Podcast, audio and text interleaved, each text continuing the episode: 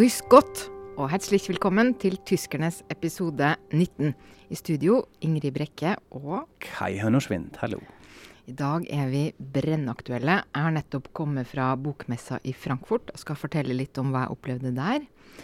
Vi eh, kommer også til å få plass til et par tidsriktige ord. Eh, men først av alt så skal vi selvfølgelig til ukas store politiske drama, valget i Bayern. For søndag stemte folk der, og resultatet må kunne kalles dramatisk. Kai, kanskje du kan begynne med å fortelle litt hvordan det gikk? Det kan jeg. ja. Det var veldig veldig spennende. Hvis vi ser litt nærmere på disse resultatene, så gikk det jo voldsomt ned med CSU. Eh, altså det styrende partier da fra før. De lander på 37,2 og dette er jo kanskje mer enn 10% ned enn det de var vant til. ja, For det høres jo mye ut, ja, men, men ja. eh, har, de har pleid å være mye større. Ja. ja. Uh, så de er jo fortsatt uh, det sterkeste partiet, men uh, som før er det ikke lenger. Da trengte de ikke en koalisjonspartner. da kunne de styre alene, og de hadde gjort i 60 år i, Bayern siden etter krigen. De hadde, jeg tror det var en gang på 70-tallet, en oppslutning med en rundt 60 må man tenke seg. Litt sånn alle som kan stemme, stemmer på det ene partiet. Sånn er det ikke lenger. Uh, så det er jo litt uh, dramatisk. Men apropos dramatisk, når vi ser på resultatet til SPD Stakkars, stakkars ja. SPD. De lander på 9,7% Under 10% Det dårligste resultatet i noen delstat noensinne, så jeg det var. Så det er jo helt uh, grusomt for ja. de stakkars sosialdemokratene. Det er noen superlativer da, men vanskelig å snu til noe positivt for et PR-byrå. ja. Nettopp det der. Ja, mm. dette er katastroferesultat. Uh, litt bedre ser det ut for De grønne. Uh, de har det jo uh, er kanskje største vinnere av dette valget. De lander på 17,5% og har kanskje levert sitt beste resultat da ever. Uh, og det er jo veldig interessant å se litt nærmere på hvorfor det. Uh, nå har man jo analysert litt hvor gikk velgerne til CSU til, og uh, De Grønne fikk jo sånn omtrent 180 000 velgere fra CSU. Mm. Um, så da er det antageligvis masse. Uh, som gikk da, som var litt lei av denne kranglingen innenfor CSU, som har noe også ja, med bondespolitikk, med Berlin å gjøre. Hvordan Horst Seehofer har oppført seg osv. osv. Men så er det sikkert også noe som Grønnpartiet har gjort riktig i valgkampen? vil du si det? Ja, jeg tenker jo det at uh, nettopp i en sånn tid hvor det har vært så prega av uh, krangling innad i CSO i Bayern, og mye krangling mellom Seehofer, som er da partileder i, i CSO, og innenriksminister, og Angela Merkel, eh, så tror jeg folk har blitt så fryktelig lei av at man skal drive og, og, krangle om hvem som har skylda for hva, og hvem som har skylda for at det går dårlig, og hvem som har skylda for at AFD har vokst og sånn. Og så akkurat da så er jo også den kanskje første rolige, fredelige perioden i De grønne, hvor de faktisk ikke driver med intern eh, stridigheter. Så det tror jeg er en grunn. Og så er nok en grunn at eh, eh det har skjedd en del sånn strukturforandringer i Bayern med at eh, CSO er jo litt sånn gjort det bra på landsbygda. De, jeg, jeg, leste et sted at man sier at eh, det var CSO som oppfant det lykkelige Bayern. Altså det er de som har lagd hele dette imaget. Og det er de som har vært nesten en slags sånn synonym for denne delstaten, da. Men så er jo ikke Bayern helt sånn lenger, fordi det har jo flytta masse nye folk inn fra andre steder i Tyskland, som har en annen, kanskje andre politiske syn, og ikke er sånn CSO-venner. Og så bor det jo masse flere folk i byene. Så jeg så jo også at De Grønne har jo fått over 30% i alle de store, åtte største byene. da. Så det handler også om urbanisering og om unge folk og mange sånne eh, ting.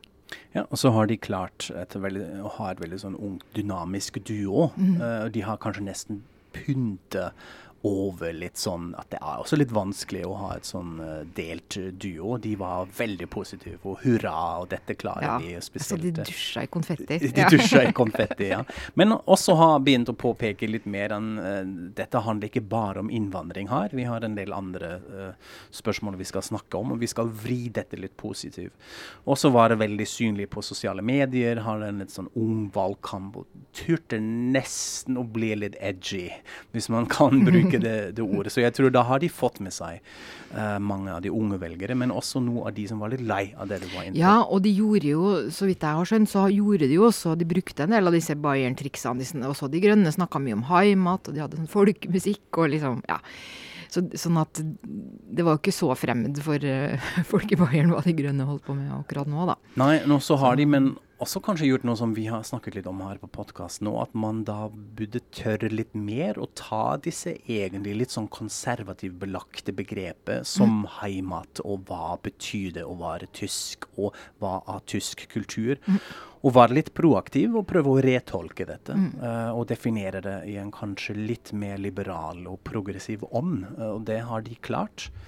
Uh, sånn ser det ut, ja. uh, i, i, hvert fall. Og så har det jo kanskje også noe å gjøre med at det konservative spektrum der er litt mer splitt. Vi kan jo se på de andre to, AFD, som man frykta alltid eh, i disse valgene. Eh, landet på 10,2% og det er jo ikke så mye som man kanskje hadde fryktet.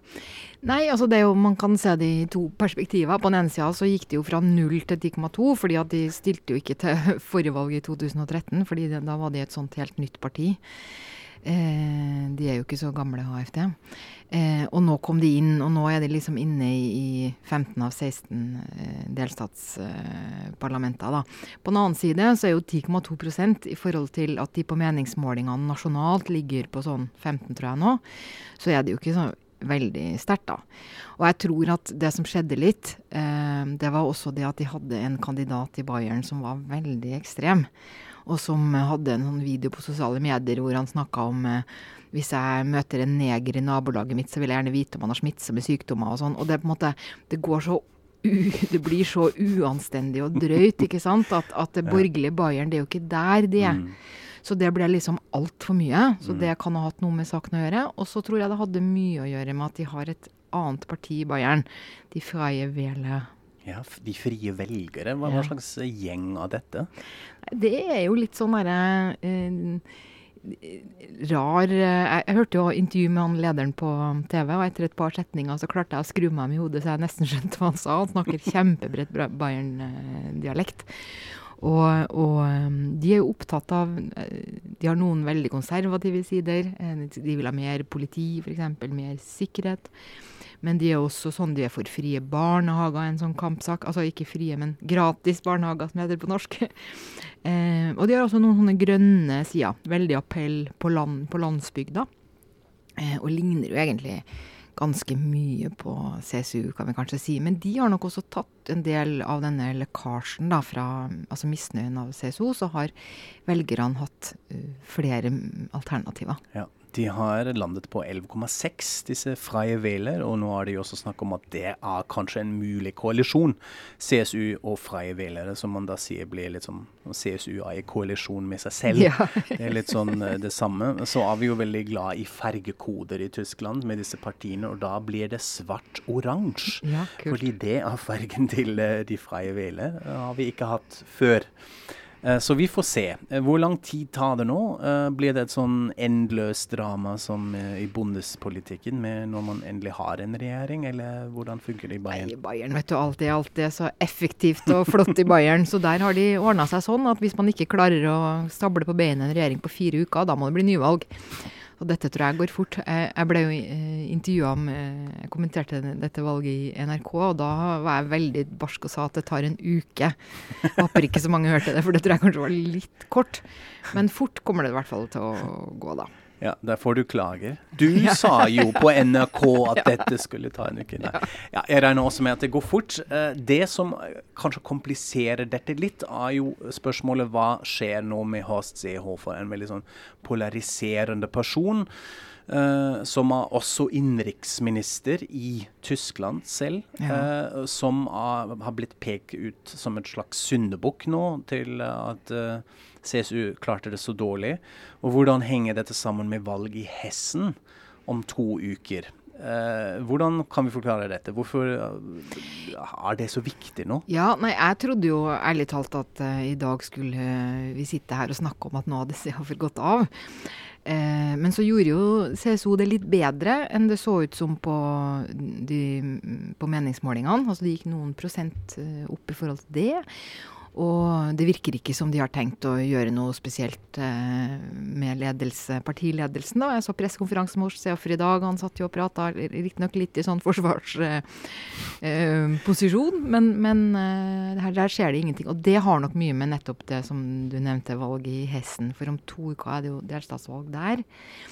Og fordi CSO og SPD gjorde det så katastrofalt dårlig nå i Bayern, så er på en måte alle regjeringspartiene enige om at nå må vi bare sitte helt stille i båten, ikke krangle noe mer, ikke lage noe mer styr. Og så håper vi at det går bedre for oss i Hessen, og så tar vi oppsummeringa etter det. Mm. Eh, litt om Seehofer. Jeg så jo også på en pressekonferanse. Syns du ikke at han ser litt ut som han har liksom på autopilot? Og liksom litt sånn knust på innsiden. Han, er, han virker som en sånn broken man nå. Eh, altså. Men han var, det var veldig rart. På pressekonferansen så satt han jo og snakka veldig mye om alt han gjør, og mm. at, hvor ille det var at så mange mente at han burde gå, for han har jo så mye å gi. Og han har jo det, 70 000 ansatte i departementet sitt og holder på med alt mulig og ramser opp alt de holder på med. da. Så, men det er jo noe ja, Nei, jeg vet ikke. Det kan fort Det virker litt trist hvis man skal være litt menneskelig mm. og sånn. Så sitter han jo der nå og så har han denne Søder, da, som er eh, statsminister i Bayern, og de to har jo holdt på med den grusomme maktkampen sin i år etter år etter år. Og alle skjønner jo at det på en måte er Søder som må vinne, fordi han er jo 30, han 30 år, nei, 20 år yngre i hvert fall. Ja. Han er mye mm. yngre, og Seofer er jo en, begynner å bli en gammel mann, det ser man jo. Eh, og, og, de har jo et forhold nå som gjør at de ikke kan møte blikket til hverandre engang. Altså, du ser hvordan de ikke, ikke ser hverandre i øynene, og sånn kan man jo ikke ha det. Så noe må jo skje, men da først kanskje etter dette eh, valget i Hessen. Skal du stemme der da, Kai? Ja, jeg uh, ville egentlig det. Men uh, nå, uh, når du nevnte dette, så kom jeg på at jeg burde kanskje sjekke litt ut at jeg skal søke på brevvalg, eller få disse valunderlagene på plass. fordi ellers må jeg dra ned, uh, og det har jeg ikke tid til. Jeg har veldig lyst til å stemme uh, i Hessen. Uh, jeg tror jo egentlig altså Det er jo mange som sier dette er det egentlig viktige valget, spesielt for hva som skal skje med Merkel. Mm -hmm. Det er mhm. da det avgjøres. det kan nok stemme. Jeg tror egentlig i hvert fall når det ligger an nå, at det ble ikke store forandringer da, eller overraskelse. I Hessen har vi en uh, svart-grønn regjering, en svart-grønn koalisjon. Vi har hatt det i en del år. Uh, de virker ganske stabilt, uh, man, spesielt fordi man har en litt mer sånn konservativ, spiselig grønnpartiet mm. med lederen Tarek al-Wazir, som liker å fremstille seg som litt mer progressiv og grønn enn det han egentlig er. Han har nok en sånn ganske klassisk realo nesten litt sånn på den neoliberale siden. For han er næringsminister nå, ja, han ikke han er det? Og det er jo også litt sånn surrealistisk, kanskje? Litt surrealistisk. Ja. Og når man ser på disse kjernesakene i Hessen, f.eks.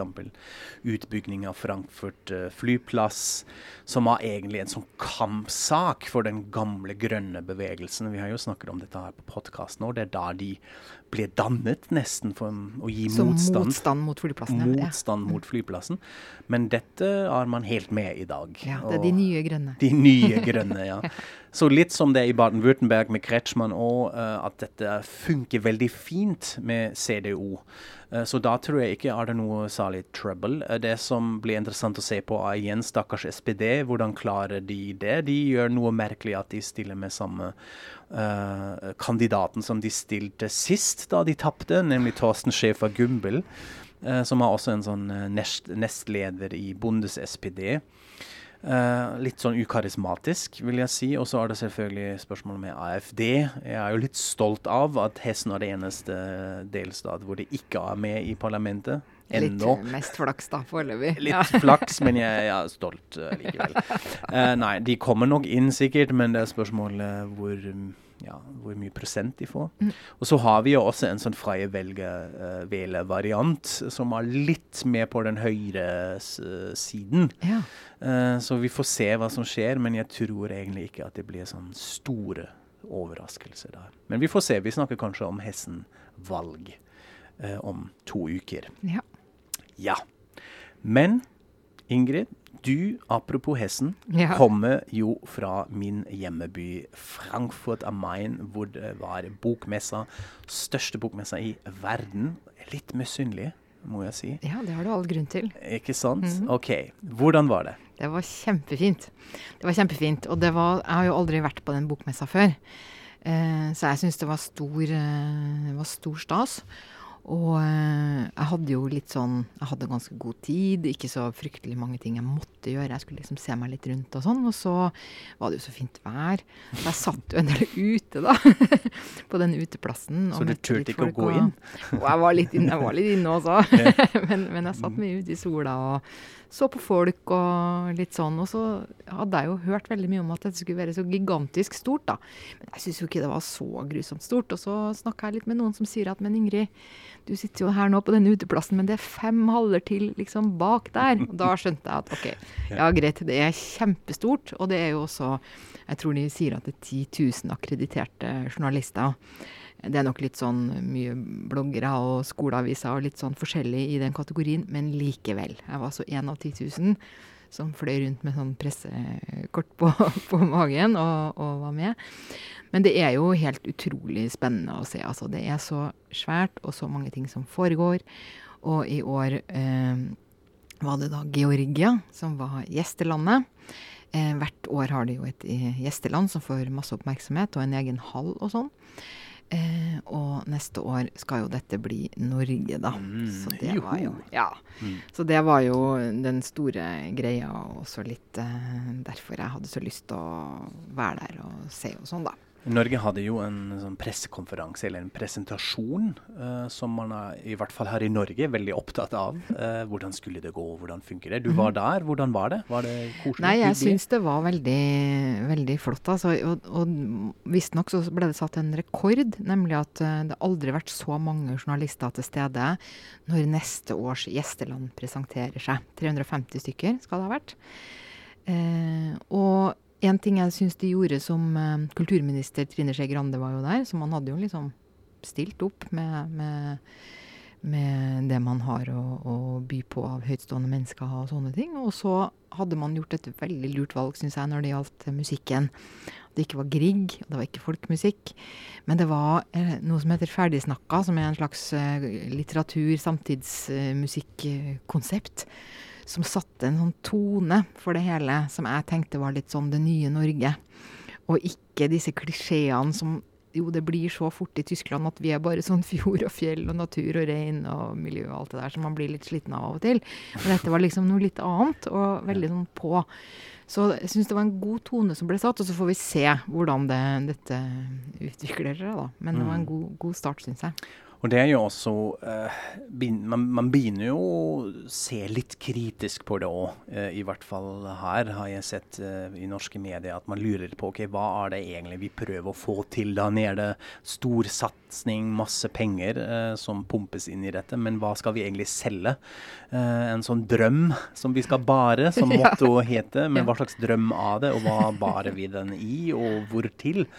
Eh, så det er jo litt interessant å kanskje få plass til litt sånn kritiske stemmer òg. Eh, men så er det jo, handler jo litt om business. Det handler jo om å selge norske bøker i Tyskland, kanskje?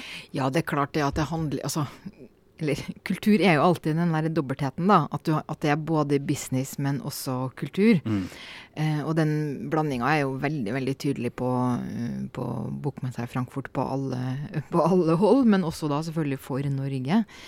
Eh, og det har man jo, har jo fulgt hvordan denne dekninga av disse gjestelandene er i mange år. Og det er jo de får fryktelig mye omtale i tyske medier. Men det er jo ikke bare litteraturen, og kanskje ofte ikke så mye litteraturen, egentlig. Men det er mye reiseliv. Det er liksom landet rent sånn generelt. Det, er, det blir jo også teater, museum Altså det er mye, mye som skjer. Mye fokus. Og så kan man jo alltid spørre seg hva skal vi med det?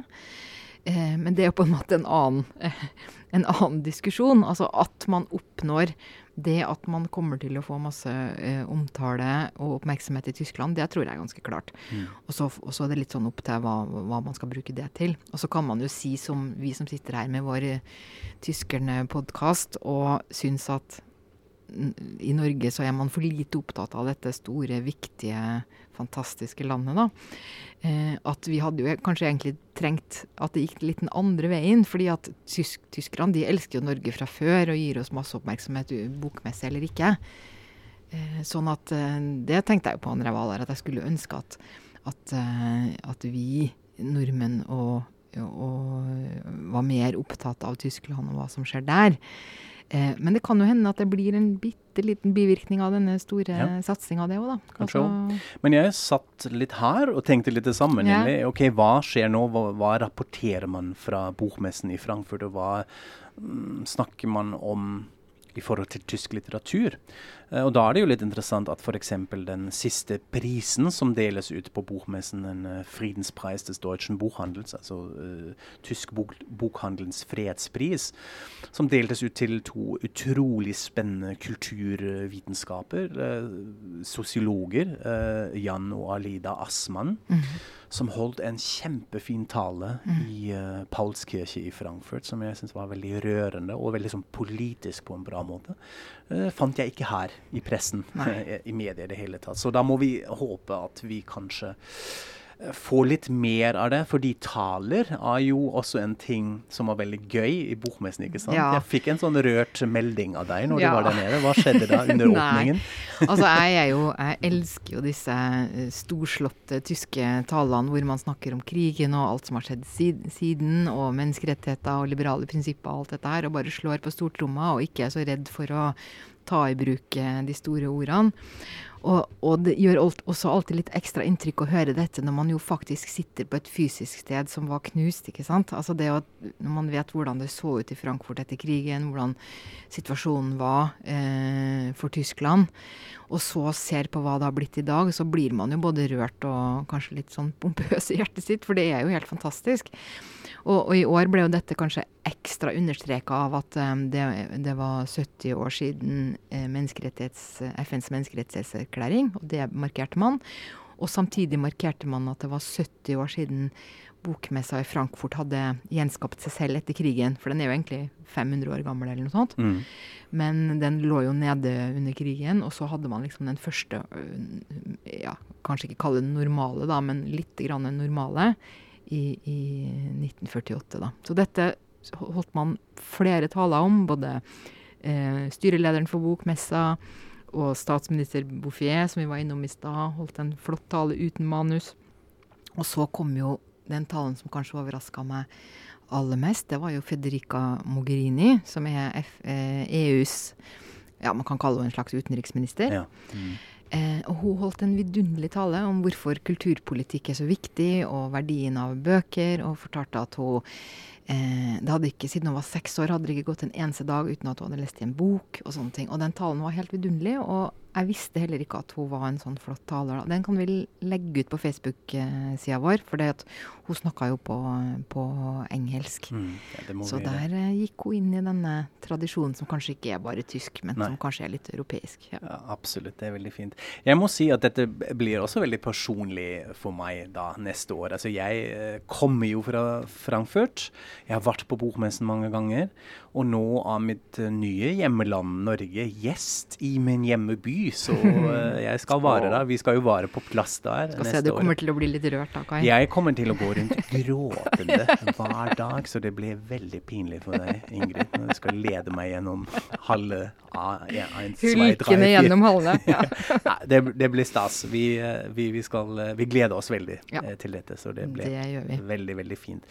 Så du har vært hjemme uh, i Tyskland, og du har også tatt med deg noen ord ja, derfra? og dette er veldig mm. sånne ord i tiden, da. Okay. Uh, det første ordet, det er da uh, Østerrike-koalisjon, eller uh, Østerreich-koalisjon, eller hvordan man nå ville si det. Ok, wow, hva er dette? Jo, det er valget i Bayern. Så kan man teoretisk sett danne en koalisjonsregjering av CSO og AFD. Eh, dette kommer jo selvfølgelig ikke til å skje i praksis. ja, fordi det jo... skal jo ikke være noe til høyre fra CSU, Nei. som eh, Frans Josef Strauss sa. Nei, helt, og det har de allerede sagt. Det er helt uaktuelt. Men teoretisk eh, så kan man jo tenke seg at det kommer til å skje i fremtida. Og Mhm. nå har den koalisjonen altså da allerede fått et navn. Og jeg syns jo det er så morsomt med det, alle disse Jamaica og svartgrønn og ja, store og ja, de, de, ja. Så det er enda et nytt ord i, i samlinga Ja. av eh, mulige koalisjoner. Østerrike-koalisjon. Spennende. Ja, ja. Ok. Mhm. Det andre ordet, eh, det er da getortet. Oh god. Jeg har jo hørt det nå, men Ja. uh, før dette er så fantastisk. Ja. Getartet. Ja. Kaket. Å bli kaket. Å bli kaket, ja. Bekaket, eller jeg vet ikke helt hvordan vi skal si det. Bekaket. Da blir det litt vanskelig Ja. å oversette det det Ja. Bekakt. Nei, beklager. Men det er Ja, nei, det kan vi ikke si. Men det er i hvert fall eh, å bli Når man får kastet en, en kake i ansiktet. Og det var det nettopp en AFD-politiker som ble på en skole Ja. under et eller annet valgkampopplegg. Og Ja, fordi ikke sånn randomly, men som et tegn for ja, protest. Ja, en protest, ja. protestaksjon. Mm, Å ja. kaste kake i ansiktet Ja, til noen man ikke Ja. liker. Og det, det var da dette blitt et sånt eget ord, forsto jeg når jeg googla og, og sånn. Og da er det jo flere som har blitt utsatt for det opp igjennom. Både De Linke-lederen Sara Wagenknecht har blitt getoatet. Og det har også Tylo Sarasin. Eh, som jeg for øvrig var og hørte på i Frankfurt. Det er fint Ja. å si på bokmessa at jeg var faktisk ikke bare ute i sola og satt og var rørt på sånn åpningsseremoni. Jeg var på flere arrangementer, og det ene var da Tilo Sarasin. Eh, som, skrev, som ble jo så kjent for noen år siden når han skrev denne boka om Deutschland schafft sich ab. Ja, en veldig en, en eks-SPD-politiker. Ja, han er fortsatt medlem ennå. Er han fortsatt medlem? Ja, jeg tror han han, ble kasta ut. Okay. Eh, Så vidt jeg forsto, ja. tok en veldig sånn høyere turn. Ja, ja. Erk-konservativ, innvandrings, innvandringsfiendtlig Ja. teoretiker. Ja.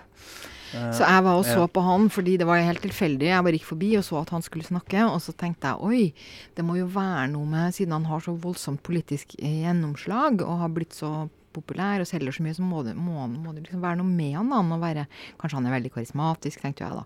Og det kan jeg bare si. Nei, det er han ikke.